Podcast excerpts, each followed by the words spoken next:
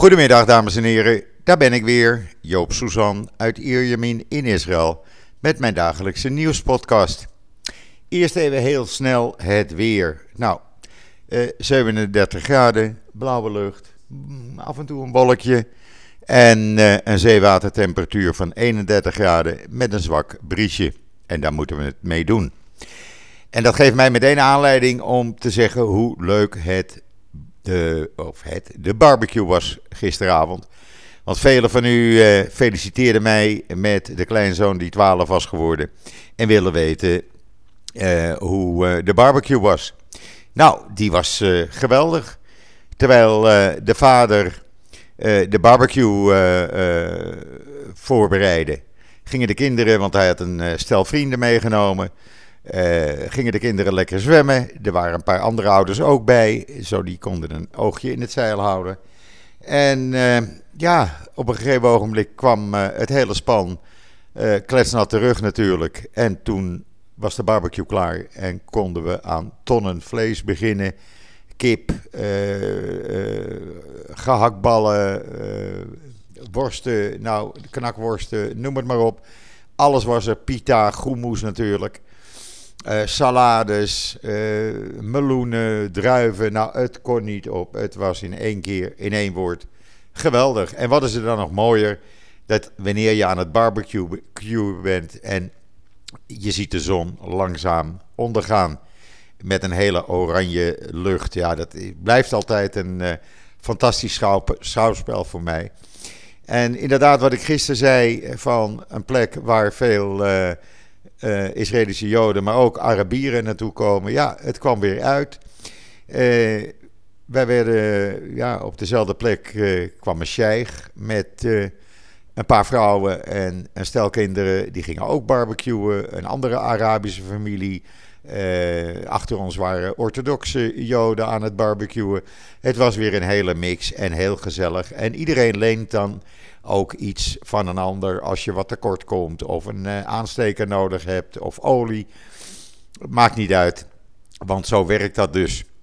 En eh, ja, toen was het eenmaal donker, dus om een uur of negen gisteravond was het feest eh, voorbij. Maar reuze gezellig, dus dan weten jullie dat ook weer.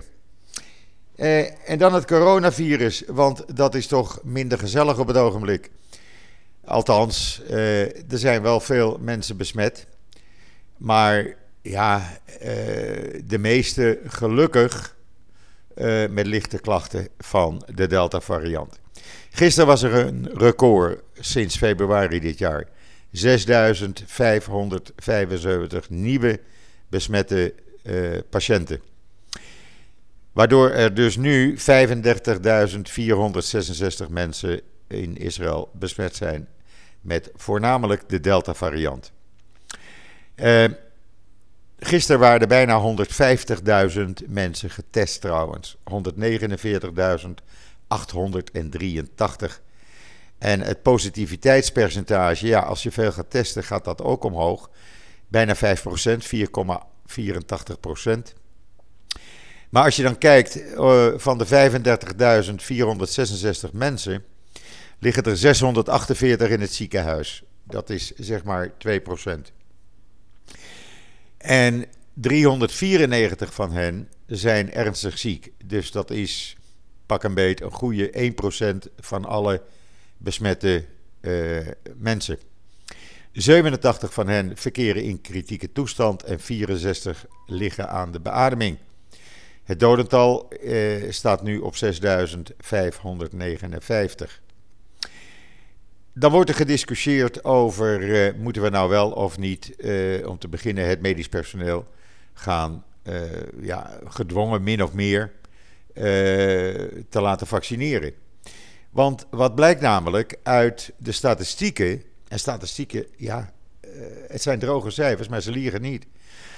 Het blijkt namelijk dat op 8 augustus onder de niet gevaccineerden ouder dan 60 jaar waren 85,6 ernstige gevallen van COVID-19 per 100.000 mensen.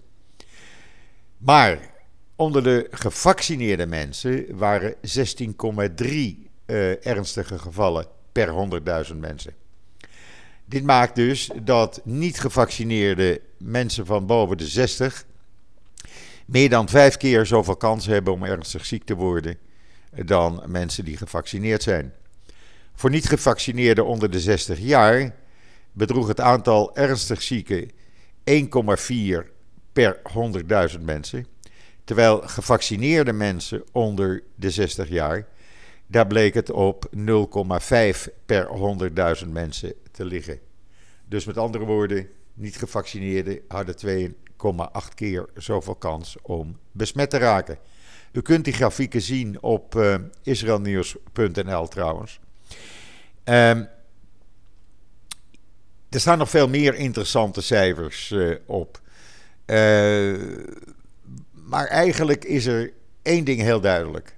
Het vaccineren, het werkt. Het houdt, uh, het, het, het, houdt een ernstige vorm van het krijgen van het Delta-virus tegen.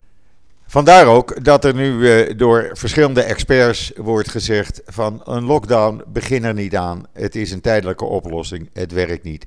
Vaccineren, vaccineren, vaccineren. Uh, wat ook uh, bekend is geworden, is dat onder de 1,1 miljoen mensen die nog niet gevaccineerd zijn, en misschien zal het nu 1 miljoen zijn, zitten ongeveer 400.000 Israëlische Arabieren. Daar is de vaccinatiegraad veel lager dan onder Israëlische Joden. Ook die moeten gevaccineerd worden. Wil je het virus uitbannen? Uh, Doe je dat niet, ja, dan blijft het virus gewoon rondwoekeren en je moet het op een gegeven ogenblik tot staan brengen. Nu zegt men wel, er zijn op dit moment uh, ruim 600.000 mensen boven de 60 jaar voor de derde keer gevaccineerd. In acht dagen tijd is dat heel veel. Uh, en men verwacht dat in de loop van deze week, begin volgende week, daardoor is te zien dat er een daling van het aantal besmettingen zou moeten komen. We zullen dat gaan zien, we gaan dat meemaken. Maar volgens de experts, en een van hen is Eran Sigal, eh, een aanrader om hem op eh, Twitter te volgen, eh, die zegt: Dit gaat echt gebeuren. En hij is, ja, zeg maar, de man, niet alleen in Israël, maar ook internationaal, die heel hoog wordt aangezien. Omdat hij, ja, hij heeft het altijd bij het juiste eind. En hij is helemaal gespecialiseerd in dit soort virussen. Even een slokje water. Dus ja, eh, mogelijk komen er wel wat meer beperkingen. Er wordt nu gezegd van misschien moeten we groepen gaan beperken. En eh, in plaats van een heel stadion vol, een half stadion vol, maar wel allemaal met mondkapje. Mondkapjes, uh, ja, het wordt strenger gehandhaafd nu. Er zijn uh, iets van 400 bekeuringen alleen al op zondag uitgekeerd, uitgedeeld aan mensen die in een winkelcentrum of andere publieke ruimte geen mondkapje droegen. En ja, men zegt het houdt 83, 84 procent van het besmet raken tegen. Het maakt de kans kleiner, 83 tot 84 procent. Vandaar ook, wij moeten hier in het flatgebouw waar ik woon is het verplicht om in de liften en de publieke ruimte beneden een mondkapje te dragen. Nou, iedereen houdt zich daar gelukkig aan. En, eh, maar nogmaals, ik zie ook op straat steeds meer mensen die gewoon zelf een mondkapje dragen. En ik zie het ook in auto's nu. Als mensen met meerdere personen in een auto zitten, dragen ze allemaal een mondkapje. En dan eh, even iets heel anders, want het beroemde, bekende filmfestival van Jeruzalem gaat binnenkort weer van start. 24 augustus. En dat wordt geopend met uh, de animatiefilm over Anne Frank. U kunt het artikel op uh, Israël Nieuws zien natuurlijk, israelnieuws.nl. En daar heb ik nog veel meer trailers van films die worden vertoond erop gezet. En er zit ook een link naar uh, het filmfestival toe, naar de pagina, de website waar u nog veel meer trailers kunt zien. Want ja, het is eh, door de jaren heen een van de belangrijkste filmfestivals in de wereld geworden. Er worden zo'n 100 films vertoond in drie bioscopen. Maar het leuke is dat men ook met vrachtwagens de wijken van Jeruzalem intrekt, waar mensen gratis dan films kunnen kijken. op straat dan. Maar u kunt ook kijken, want als u naar de website gaat, dan zult u zien dat er een aantal films op het moment dat ze worden uitgezonden ook online kunt bekijken. Dat is natuurlijk heel mooi. En dan uh, iets anders, een doorbraak in Israël door Israëlische onderzoekers in de strijd tegen uitgezaaide borstkanker. Een van de vele doodsoorzaken waar veel uh, uh, vrouwen aan overlijden en ook mannen in sommige gevallen. ze hebben ontdekt hoe uitzaaiingen ontstaan en door deze ontdekking hebben ze nu de mogelijkheid om dat ook tegen te gaan. Uh, het is uh, al gepubliceerd in een wetenschappelijk tijdschrift. Het, uh, het, is een heel lang artikel, maar wel interessant met allerlei uitslagen en verklaringen hoe men werkt en hoe men tot deze ontdekking is gekomen. Want het is echt een, ja, een ontdekking die het leven van vele mensen ten goede zou kunnen veranderen. Uh, men werkt uh, nu aan een uh, definitieve oplossing om de ontwikkeling van metastaten te voorkomen, want daar gaat het om. En zoals de onderzoekers zeggen, zodra wij het onderzoek helemaal hebben afgerond en weten wat er moet worden gedaan, kan dat het leven van miljoenen mensen wereldwijd redden. En dat is natuurlijk fantastisch. Uh, want iedereen kent wel iemand in zijn of haar familie of vriendenkring die borstkanker heeft of heeft gehad. En uh, ja, dit onderzoek, uh, ja, het is gewoon zo belangrijk. En het zou dus echt, zoals men zegt, het leven van vele miljoenen positief kunnen veranderen. En dan even wat economisch nieuws. Ja, dat is er ook af en toe. Hè. Uh, het gemiddelde salaris in Israël is iets gedaald in de maand mei. Hier wordt elke maand het gemiddelde salaris bekendgemaakt. In de maand mei was het gemiddelde salaris omgerekend in euro's 2973 uh, eh, euro per maand. Uh, er werkten 3,55 miljoen mensen. Dat is een stijging van 15% ten opzichte van mei 2020. En een stijging van 1,1% ten opzichte van april 2021. En uh, als je dan kijkt, het gemiddelde salaris, dat wordt mij veel gevraagd in de high-tech. Nou, dat zit op 6.973 per maand. Maar mensen in de high-tech die wetenschappelijk onderzoek en ontwikkelingswerk doen in de high-tech, uh, daar is het gemiddelde salaris 7921 per maand. En software- en computeradvies, ook high-tech-banen, en daar zitten de meeste banen in, daar verdient men 6813 uh, euro gemiddeld per maand. En het laagste salaris in de technologie uh, was de communicatiediensten. En daar ligt het salaris op slechts 3868 per maand. 3868 euro's. Uh, het zijn knappe salarissen, maar vergeet niet dat de kosten van levensonderhoud natuurlijk in Israël hoger zijn dan in Nederland. Daar moet je dan ook weer rekening mee houden. Aan de andere kant, men krijgt hier vaak een auto uh, in de high-tech ter beschikking. Met uh, vaak ook gratis benzine, gratis brandstof. En je ziet nu ook dat sinds elektrische auto's in Israël in de verkoop zijn, daar al tienduizenden van verkocht zijn, meestal via leasemaatschappijen. Wat betekent dat dat ook via de high-tech naar hun werknemers toe gaat. Ja, zo werkt dat in Israël. soms is er een inhaalslag nodig. Nou, dat gebeurt dus nu ook. Dan nog eventjes terugkomend op uh, het coronavirus. Men gaat, zoals ik gisteren al zei, serologische testen doen van alle scholieren en kleuterscholieren, kleuterklasscholieren die 1 september naar school gaan. Maar in de ultra-orthodoxe sector is men zondag al naar school gegaan. Daar zijn de scholen al open. En men is begonnen al daar met serologische testen.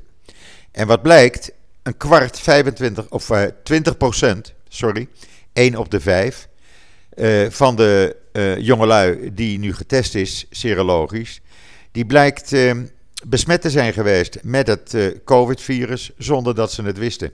Ze hadden wel heel veel antilichamen, dat krijg je daardoor, maar waren niet ziek geweest of enige andere klachten. En dat is opvallend natuurlijk. Want dat zou betekenen, als het daar 20% is, 1 op de 5, dan geldt dat ook misschien voor de rest van de leerlingen omdat men heeft gezegd, leerlingen die genoeg antibodies hebben, antilichamen hebben, eh, als ze positief getest worden, hoeven ze niet in quarantaine. Want dan is hun, eh, het risico dat ze anderen besmetten kleiner. Dat zou natuurlijk mooi zijn, want dan kunnen scholen gewoon, uh, gewoon aan. Nogmaals, ook dat speelt mee bij het al of niet beslissen van een lockdown. Uh, hier in Israël, ja, het zal niet anders zijn als in Nederland, denk ik. Uh, de media die maakten natuurlijk overal een enorme ophef van. De journaals altijd elke avond een kwartier, twintig minuten allemaal praten over COVID.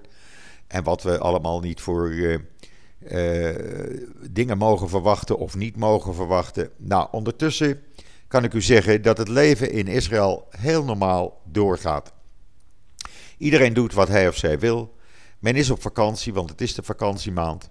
Men is in het noorden, in het zuiden, eh, overal waar het leuk is. Een van de kinderen zit in de bergen, de heuvels van rond Jeruzalem.